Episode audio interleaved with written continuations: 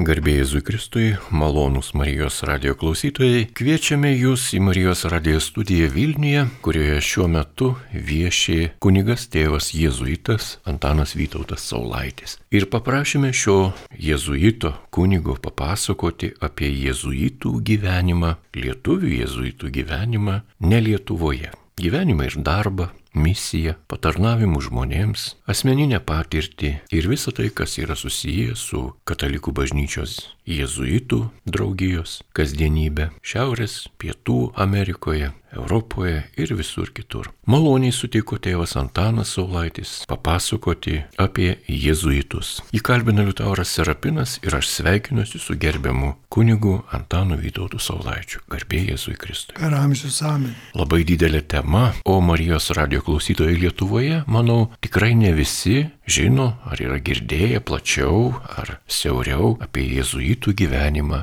ne Lietuvoje. Taigi, nuo ko pradėtumėte pasakoti šią temą? Kaip tik visai neseniai mirė tėvas Gediminas Kijauskas, jėzuitas, įstojęs į Jėzaus draugiją 1950 metais, kaip tik apie tą laiką, kai tie jėzuitai, kuriuos karas atskyrė nuo Lietuvos, geležinė uždanga uždarė galimybės grįžti iš savo studijų vakaruose arba iš misijų į Lietuvą, tai susidarė, pradėjo burtis tėvo generolo, mūsų vyriausiojo vadovo nurodymu burtis Čikagoje būstinę lietuviai jėzuitai gyvenantys užsienį. Tai Kijauskas kaip tik įstojo vos atplaukęs iš Europos kaip karo pabėgėlis, įstojo į jezuitus, kadangi jau pabėgėlių stovyklos Vokietijoje susipažino su tėvu Gutausku, kuris jį patraukė į Jėzaus draugiją. Ir kaip sakau, dabar mirė ir liko tik vienas iš tų visų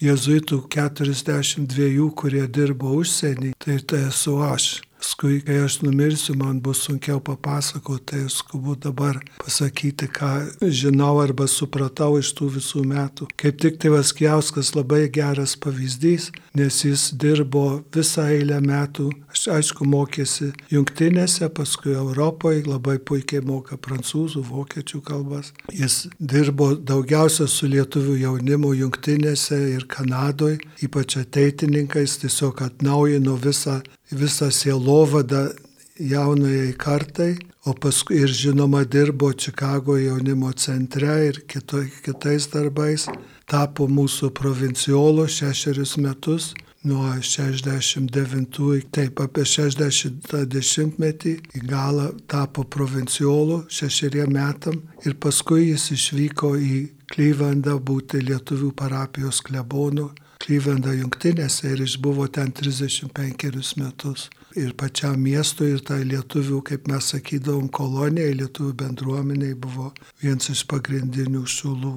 Ir jis, žinoma, tame tarpe dar dirbo ir Kanadoje, Montrealį, kadangi, kaip minėjau, mokėjo prancūzų kalbą, lietuvių parapijo, šios vartų parapijo. Tai čia jo gyvenimas sutampa su ta istorija tų 40 kelių jezuitų, kurie arba jau Lietuvoje įstojo, arba užsienį. Iš, iš viso užsienį įstojo 14 jezuitų, įskaitant pavyzdžiui mane, nes aš atsiradau užsienį, kai buvau pusantrų metų. Ir mes e, ėmėmės tos sielovados, kur atrodė labiausiai reikalinga. Dažnai pasitardavo aišku su kokia nors lietuvių bažnytinė vyresnybė, kad ir negrinai juridinė kaip vyskupo Brisgių, kuris nebuvo kokios nors vietos ar žmonių vyskupas, arba su, anksčiau su Skviretsku ir su kitais. Tai jezuitai ėmėsi dirbti ten, kur reikia ir iš, pavyzdžiui, iš Pietų Amerikos prašė, iš Urugvajos ir Brazilijos prašė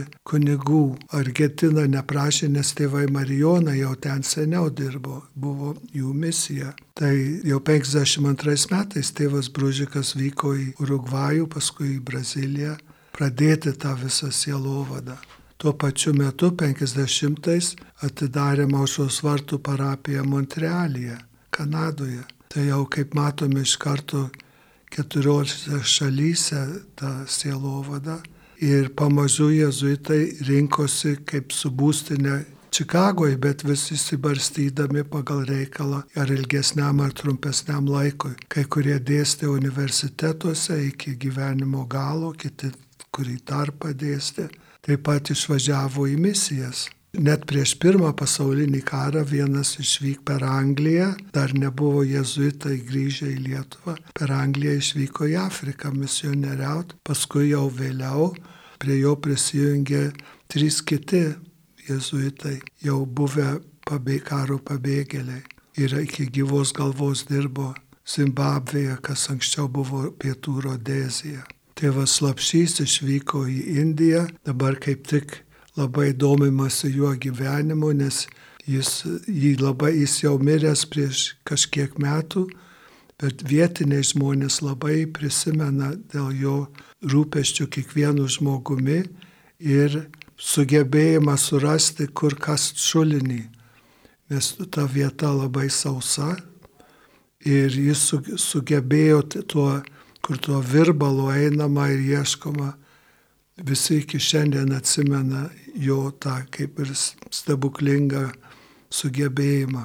Ir tie mūsų jezuitai Afrikoje irgi išbuvo daugybę metų ir mes prisiklausėm jų visokių nuotikių ir apie jų darbą ūkiją ir statybose ir visokiais kitais reikalais. Jie buvo abu, visi keturi buvo broliai, du vėliau išstojo, o du liko kaip iki gyvos galvos, bet viskas yra dalis tų jezuitų pastangų patarnauti ten, kur labiausiai reikalinga. Tada tas maždaug apima tą platesnę aplinką ir laiks nuo laiko nukeliaudavo kitur. E, lankydavosi ir Anglijoje, ir Belgijoje, ir Pietų Amerikos šalyse proginiai patarnauti ar didesniuose lietuvių ar lietuvių jaunimo renginiuose.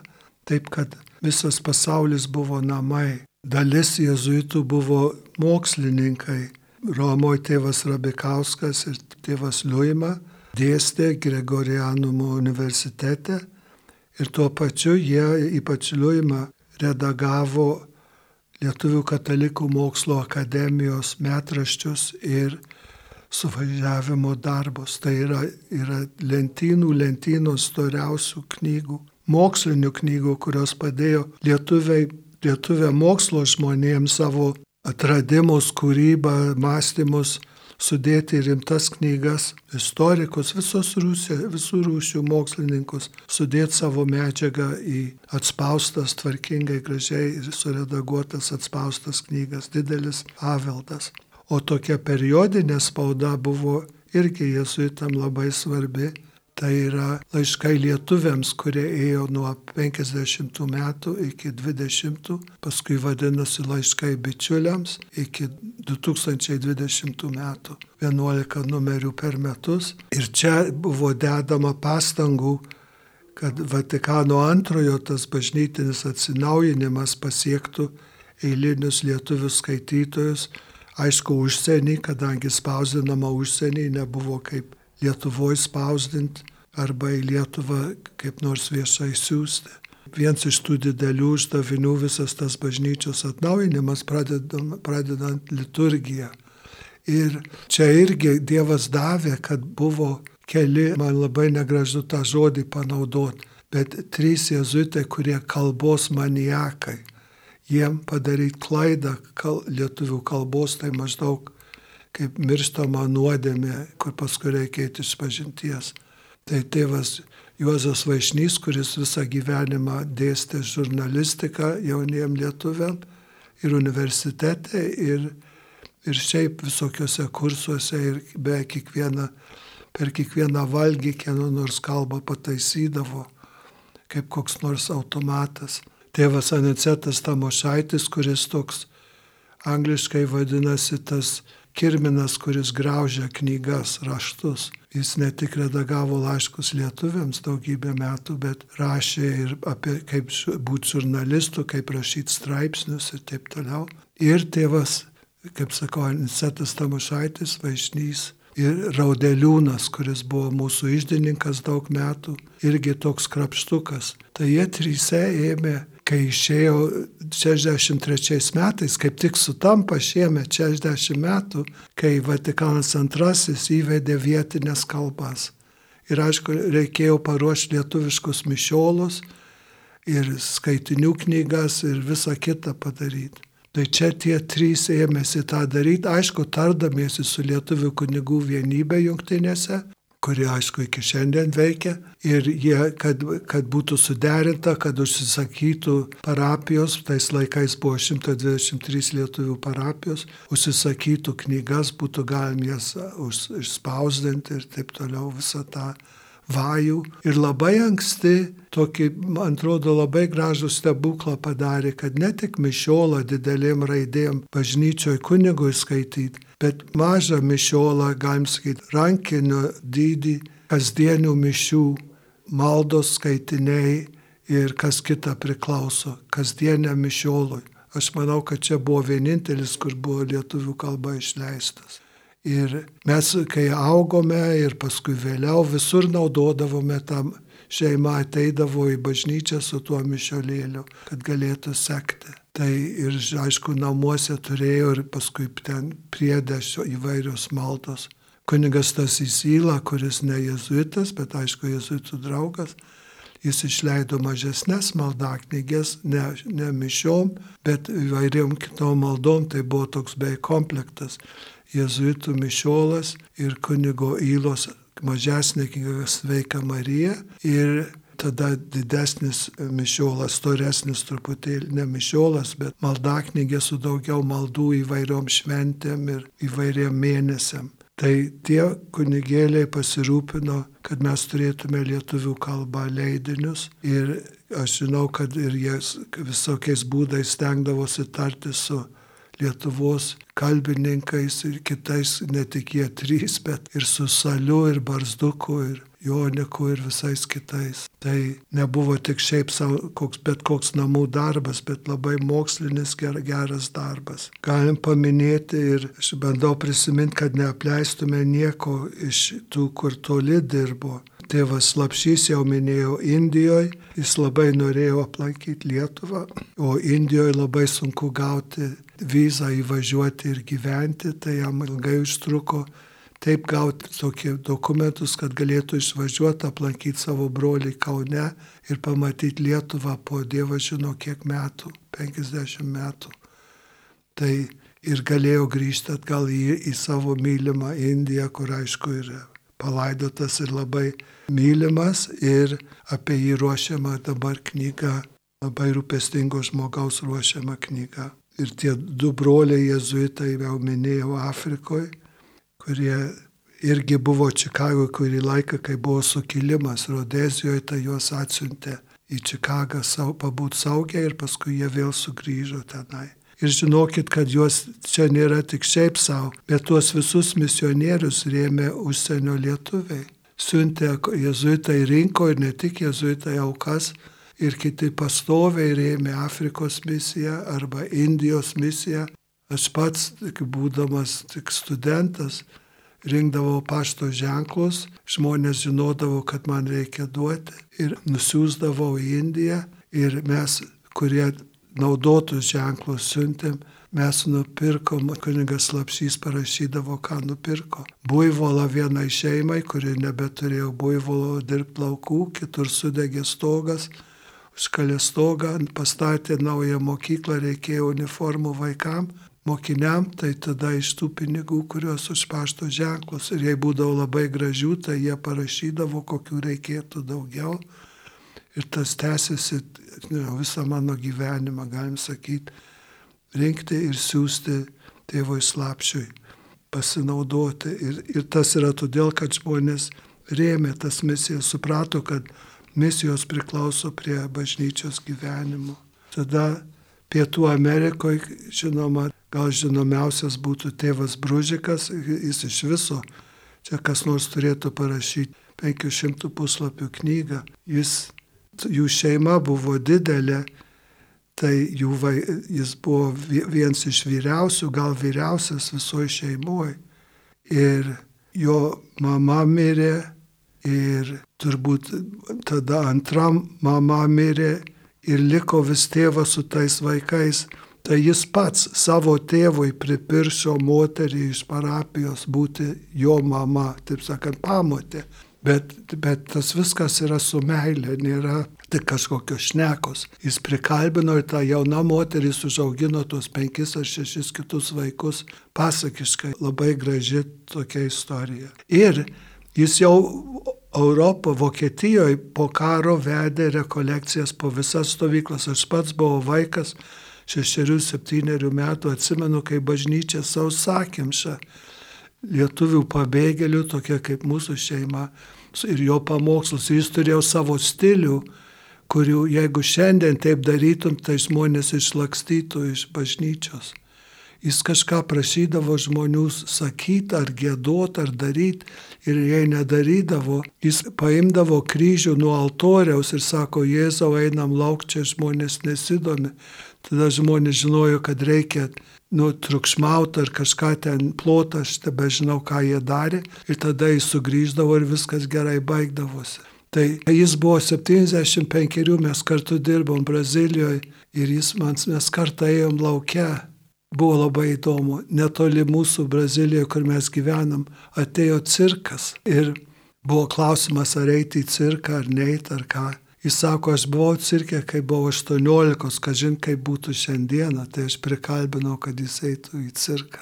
Ir tame tarpe toj visoji kalboje, jis sako, gal mano tas kolekcijų būdas Lietuvoje ir Europoje ir anksčiau, gal jau šiais laikais nebetinka.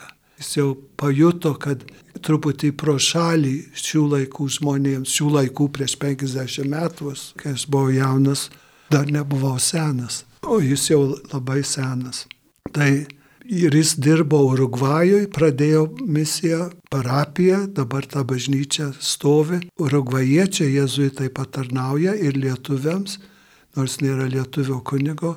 Ir kaip tik tą bažnyčią reikia remontuoti, labai gražiai lietuviškai išpiešta su Lietuvos vaizdais ir simboliais ir visa kita. Ir Urugvajus yra neturtinga šalis ir lietuviai gyvena kaip tik tokioj vargdienių, kaip seniau sakytum, naujoji Vilnė ar kas nors tokio, dabar yra kitaip, bet prieš 30 metų sakysim. Tai ten yra vargdienių, kur dirbo skerdyklose rajonas, tai jie negali to taip gerai išlaikyti ar atnaujinti. Tai dabar yra vajus jiem padėti. Tikimės, kad iš tų pajėgesnių šalių kas nors galės. Ir aišku, prie jo prisidėjo kiti. Vėliau buvo tėvas, aš vis užmirštų pavardę, vienas nuskendo, jį paskyrė Urugvajų, labai mielas buvo ir, ir turbūt turėjo kokį nors priepolį vandenį ir nuskendo. Tai buvo didelis praradimas. Uolus misionierius ir vis vien ne, nepavyko. Tėvas Gedrys pagrindinis ten buvo visus tuos dešimtmečius. Tėvas Zaremba labai įdomu buvo Čiliai, įstojo jezuitus, čiliečius, paskui perėjo pas lietuvius. Dirbo Urugvajų, kadangi jau mokėjo ispanų kalbą ir paskui į jungtinės, į Kanadą, į jungtinės buvo mūsų provinciolo. Dar yra ir kitų, kurie ten dirbo per tuos visus metus. Ir visą laiką vienas mūsų didžiausių uždavinių buvo palaikyti savitarpio ryšius.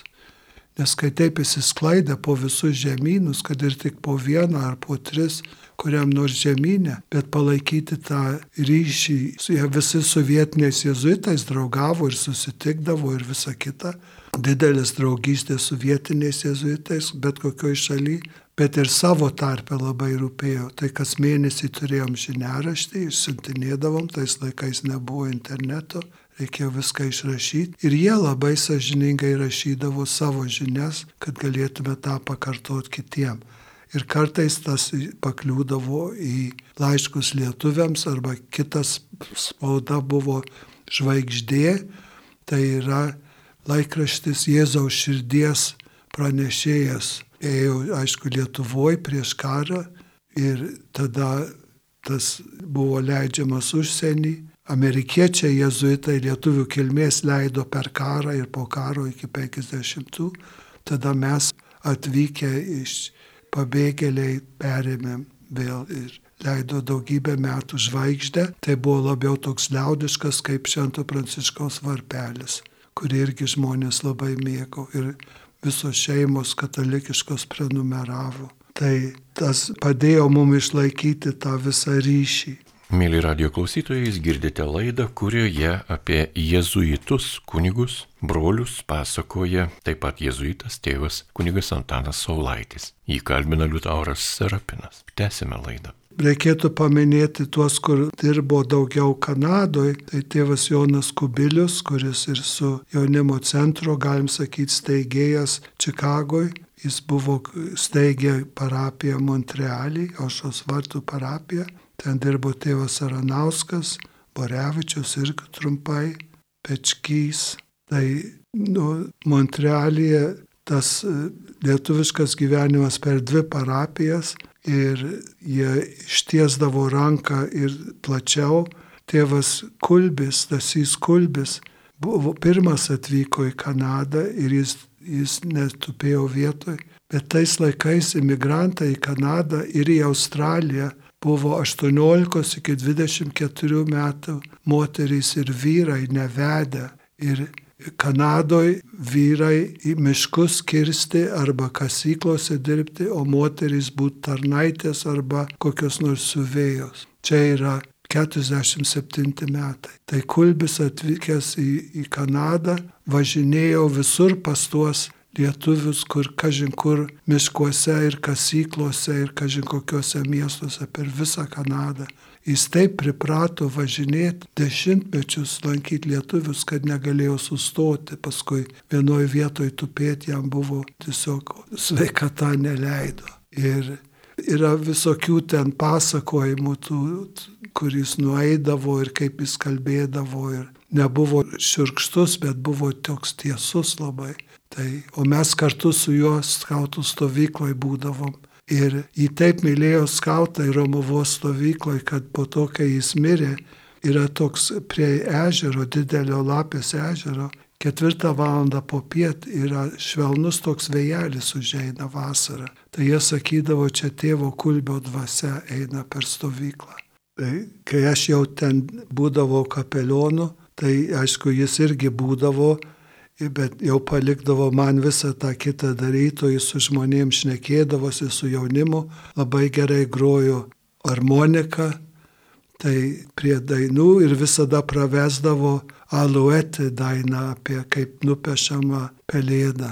Tai čia apie vieną kitą aš daugiau papasakoju, nes tokie, nežinau, romantiški tie visi pasakojimai. Mūsų tie pagrindiniai namai galų gale buvo Čikagoje ir, kaip sakau, tie ryšiai iš tenai buvo kaip, kaip rato arba tinklo širdis, ašis ir su tėvo gaideliu arba gaideliu, jo brolis lietuvis, jis latvis, dirbo Australijoje, tai buvo mūsų atstovas, laiškus lietuviams platindavo, mes gaudavom jo latvišką leidinį. Ir jis lietuviam patarnaudavo, įskaitant ir skautų stovykloje ir be galo malonus. Ir buvo dar kitas Latvis jėzuitas Australijoje, jie du nešė tą naštą. Irgi nuvažiavę jauni žmonės kaip, kaip ir į Kanadą. Vėliau leido kitus įvažiuoti, bet buvo tas jaunimas ir todėl labai įdomu, kad skautų sto ir kitose stovyklose viskas buvo bangomis, nes atvažiavo tarp 18-24 vedė, tada vaikai tam tikro amžiaus, kol vaikai turi savo yra tarpas ir vis būdavo tų mažiukų vaikų gyvas galas, paskui jie jau paaugliai, o nėra daug mažiukų, tada po kiek laiko atsiranda nauji, tos kaip ir kartos visos atsirado. Ir Kanadoje ne tik mes, bet ir pranciškonai labai gražiai Londone ir Toronte dirba iki šių dienų ir Hamiltone irgi patarnauja. Ir kitose vietose. Tai ir visur mes su vienuolyjom. O kaip dabar sakau, Čikagoje, tai centras mūsų namai, jezuitų namai ir 50 kelintais metais įsteigė jaunimo centrą, pristatė šalia jezuitų namų tą salę ir klases lituanistinėm mokyklom, lietuvių archyvo ir taip toliau. Yra milžiniškas darbas, kurį perleidom valdybai, tarybai geriau pasakyti, tvarkyti, kai jezuitų mažiau liko prieš 40 metų, o dabar atidavėm tą viską jaunimo centro tarybai žmonėms, kurie tuo visų rūpinasi. Ir tuose centriniuose namuose koplyčia, kurioje yra labai brangus paveikslas Čia vėl ilga istorija, kuri įvelta daug žmonių.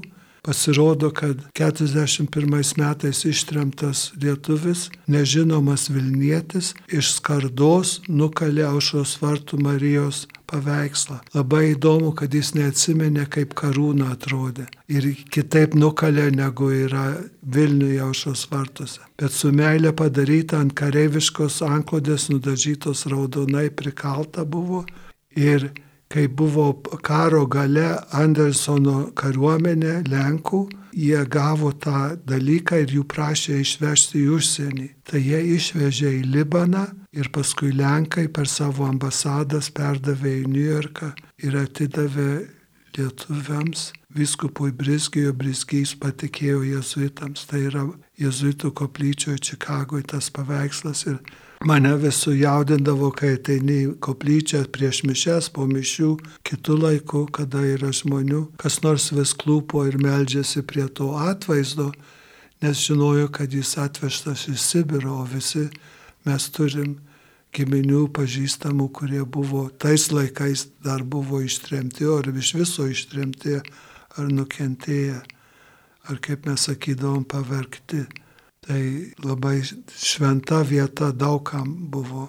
Čikagoje mes globojome ir kitus dalykus, kur yra nebažnytiniai, nu, dalinai bažnytiniai, aišku, nieko nėra atskiriamo nuo tikėjimo, gyvenimas ir tikėjimas vis kartu. Tai yra pavyzdžiui muzikologijos archyvas, kurį kaupė profesorius Žilevičius nuo 24 metų Klaipėdoje. Ir aišku, paskui užsieniuose visokie rankraščiai, gaidos, plakštelis, bet kas, kas liečia lietuvių muziką.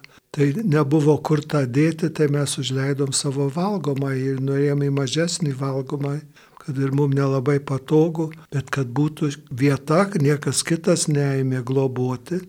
Tai žinoma, mes ėmėmės to daryti. Ir vienas iš mūsų buvo muzikas, tai tėvas Bruno Markaitis, kompozitorius. Tai buvo kaip tik tinkama vieta. Profesorius Žilevičius tapo aklas, 14 metų tarp mūsų gyveno ir kartu su mumis valgė. Tai kitas archyvas, čia irgi ilga istorija, bet liečia visuomenę. Toks e, Liulevičius, mokytojas Vincentas Liulevičius, Vokietijoje būdamas toks pabėgėlis kaip mūsų šeima ir 70 tūkstančių kitų, jis pradėjo rinkti visokius dokumentus tos išeivijos. Ir pririnko gyvą galą daiktų per tos keturis, penkerius metus Vokietijoje, atsivežė, nusintė į jungtinės, rinko toliau visokius dokumentus, leidinius, knygas, bet ką kitą. Ir buvo didžiulis archyvas, jį globojo Marijonai, seselis Kazimerėtis, galų galę niekas nebenori, nebegali, neturi sąlygų globotai, ko tu prašysi. Aišku, jezuitų. Mes turėjom tokį namelį apgriuvusi, tai jame pabuvo, o paskui geradarių dėka prie jaunimo centro pristatėm du aukštus, papildomai vien tik tai pasaulio lietuvių archyvui. Tai ten yra neįsivaizduojama. Yra visų pabėgėlių stovyklų dokumentai Vokietijoje, visų tų mes kaip vadinam lagerių ir daugybė kitų dalykų. Sovietmetį jie bandė visais būdais prieiti prie dokumentų, bet neleisdavo, nepatikimų žmonių neleisdavo įeiti į tą archyvų vietą. Buvo visas toks, tokia valdyba, kuri tvarkė tą muziejų. Vėliau iš Lietuvos pradėjo mokslininkai atvažiuoti į galą prieš pat nepriklausomybę ir nepriklausomybei sugrįžus į Lietuvą.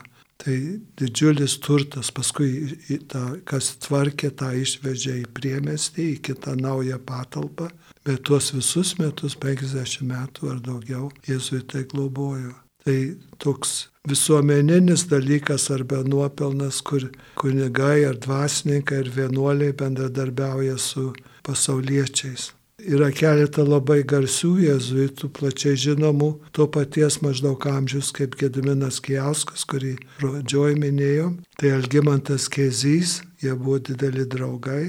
Jis e, iš Kibartų ir labai geras pasaulinio masto lygio fotografas, išleidęs pasakiškų knygų, angliškai ir lietuviškai taip pat ir nuotraukų, kurie visom kalbom nuotraukos tinka. Jis jau į gyvenimo galą išstojo iš jezuitų. Ir kitas, kuris irgi taip atitolo, buvo Kestutis Trimakas, žinomas Lietuvoje, dirbęs įvairiuose vietose, labai pamaldus ir ateitininkų didelis šulas, tai jis irgi taip išėjo, atsiskyrė, bet mes priskaitom aišku prie jezuitų, nes visas išsilavinimas ir bendradarbiavimas ir draugystė nenutrūksta su tuo visu dalyku. Nebežinau, ką aš čia būsiu nepaminėjęs. Neminiu pavardžių įvairių žmonių, kurie su mumis dirbo ir buvo dideli draugai. Gal tik paminėti, nes ir čia Lietuvoje bus programa apie Joną Muloką, architektą, jis jaunimo centro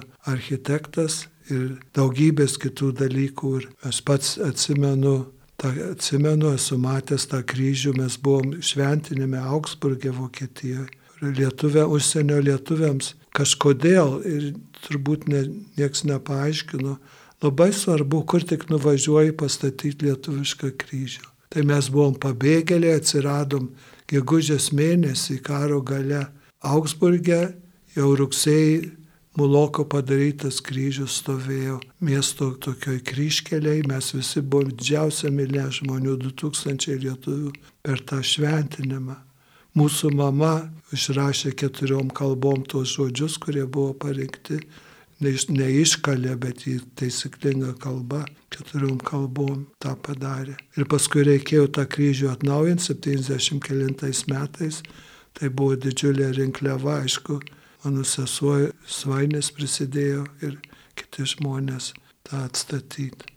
Vėl toks bendradarbiavimas ir Vokietijoje, ir paskui jungtinėse. Mėly ir malonūs Marijos radio klausytojai, jūs girdite laidą, kurioje apie jezuitus lietuvius gyvenusius visame pasaulyje, konkrečiu atveju ne Lietuvoje, pasakoja taip pat tėvas jezuitas kunigas Antanas Vytautas Saulaitis. Daug papasakojate apie Šiaurės Amerikos kontinente, Junktinėse Amerikos valstijose, Kanadoje, paminėjote ir kitus kontinentus gyvenusius ir dirbusius jezuitus. Jeigu paprašytume jūs tam tikrų akcentų, paminėjote mokslo, meno, edukacijos, tai yra išsilavinimo arba lavinimo srities specialistus. O jeigu paklausčiau, kokios egzotiškiausios profesijos jezuitai buvo? Tie, kurie, sakykime, netinka į jokius rėmus darbe prie bažnyčios. Aš tiesiog nebežinau iš karto, ką, nes visi mes dirbom. Buvo savotiškų, sakysim, aš esu normalus, bet kai pažiūrė kitus žmonės, matai, kad jie yra truputį keisti.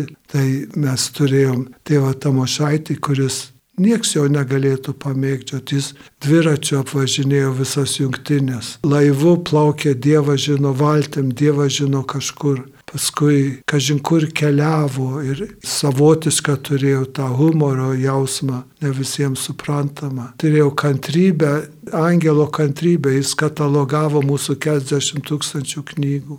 Ir čia tik ligonis tą gali daryti, o jis buvo sveikas kaip ridikas. Ir sveikai labai gyveno, nevalgė su mumis visais, turėjo savo riešutus, ten dar kažką kitą, ieškojo išganimo kitais patiekalais.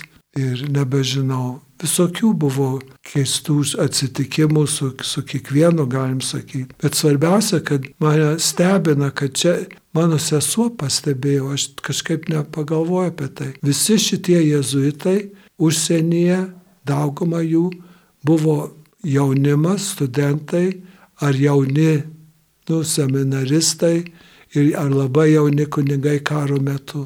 Ir jų tėvai, ir tėvas, motina, giminės, broliai, seserys, daugumos jų liko Lietuvoje. Tai jie liko visą gyvenimą be ryšių su savo tėvais.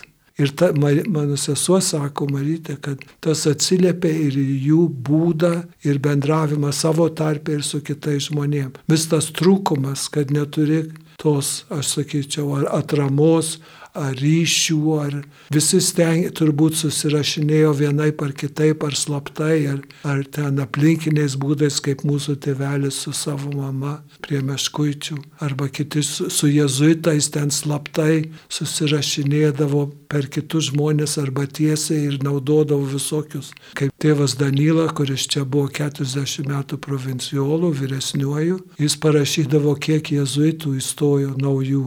Tai jis sako, aš sulaukiau penkių anūkų. Tai suprato, kad čia penki įstojo į Jėzaus draugiją, jezuitos pogrindyje. Tai buvo labai svarbu ir siūsdavo visokią pagalbą, mes gaudavom iš čia žurnalus ir knygas ir kitką. Ryšiai yra labai svarbus. Jeigu reikėtų apie save, tėvė Antanai, pasakyti, kuo jūs esate ypatingas arba nenormalus, kabutėse, jėzuitas. Nu, Dievas davė, kad aš turėjau kitokią patirtį negu daug kas, nes aš buvau tiek metų jaunesnis už kitus, iš užsienį esančius.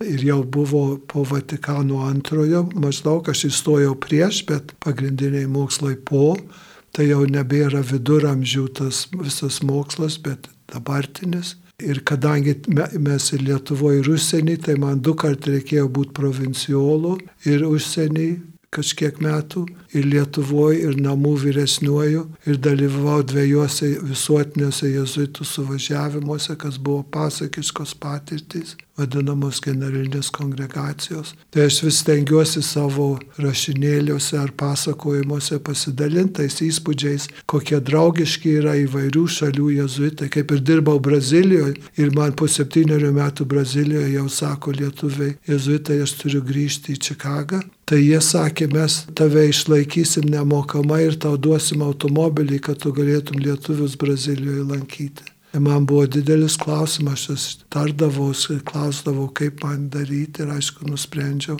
grįžti vėl į tą lietuvių sielovadą jungtinėse vietoje likti Brazilijoje. Tai man atrodo, tokia patirtis yra gera dalis istorijos. Ir, ir to viso pašaukimo žiūrėti, kas yra geriausia, kas reikalingiausia, kas naudingiausia. Turbūt ne viską papasakojate šioje laidoje, pritrūko laiko paminėti tuos jėzuitus, kurie dirbo ne Lietuvoje ir jūsų sąrašuose arba jūsų archyvuose dar ramiai ilsisi. Tai aš bandžiau, kiek galiu paminėti, bet nežiūrėjau į sąrašą, nepažymėjau. Čia yra tik tai paragauti tos istorijos. Ir, aišku, mūsų archyvose yra, bet aš manau, kad daug ką galim rasti tokiuose dalykuose kaip laiškai lietuviams ar, ar kitose knygose, enciklopedijose ir panašiai.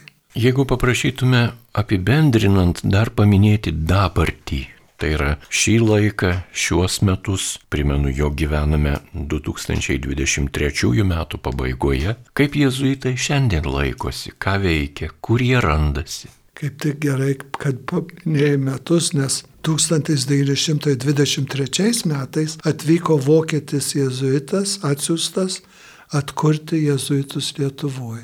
Jau buvo keli įstoję Anglijoje ar Vokietijoje ir 24 metais atsidarė Kaune jėzuitų namai. Tai ateinančiais metais bus šimtas Kaune su Kauno jėzuitų gimnazija. Labai yra įdomių istorijų su tuo visus steigimus. Tai mes esam Kaune, aišku, čia Vilniuje Šventų Kazimiero ir su jėzuitų gimnazija ir tada Šventų Jonų patarnaujam ir Šiauliuose yra jezuitų mokykla ir Švento Ignoto, Švento Ignaco bažnyčia. Tai pagrindiniai tie dalykai, mes turim studentų ir dirbančių vakarų Europoje ir taip pat Lemonte jungtinėse ir palaikom draugišką ryšį su tais žmonėm, kurie mūsų, už mus, už mane senesni patarnavo, dirbo, išliko tos draugystės ne tik asmeniškai, bet galim sakyti su jezuitais. Jūsų palinkėjimas savo broliams jezuitams, tiems, kurie domėsis jezuitų istorija. Gal ačiū už dėmesį, kad klausėtės šito pasakojimo ir čia yra tik tai truputį akimirka to viso, kas yra įvykę ir dalis Jėzuitai, kai buvo dalis Lietuvos istorijos, Lietuvos bažnyčios istorijos jau senokai, 400 metų, tai 444 metus tai tas ryšys tęsis ir toliau, koks bebūtų mūsų skaičius arba kintantis darbai ir kintančios gyvenimo sąlygos. Mes esam ta pati bažnyčia, kur kiekvienas yra svarbus ir turi savo uždavinį, ar tai būtų pasauliniu mastu, ar toj parapijėliai, kurioje mes gyvenam ir prisidedam, ar kad mūsų vaikai lanko mokyklą, arba karėte dirba, ar kur nors kitur. Visur kiekvienas turim kur prisidėti, kaip mes iš to ką tik pasibaigusio sinodo matom, kiekvienam yra vietos ir darbo Kristaus bažnyčiai.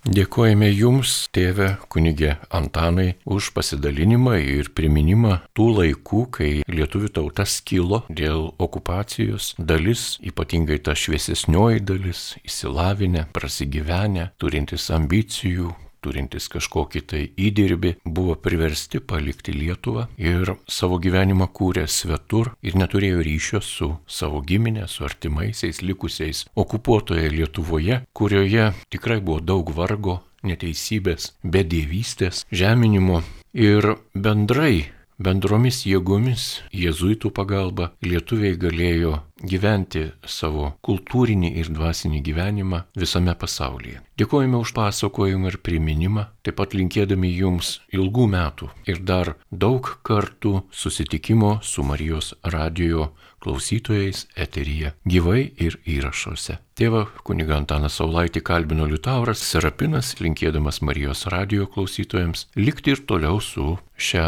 nuostabę radio stotimi, kur bebūtumėte - namuose, kelionėje ar Lietuvoje ar visame pasaulyje. Likite sveiki, sudė.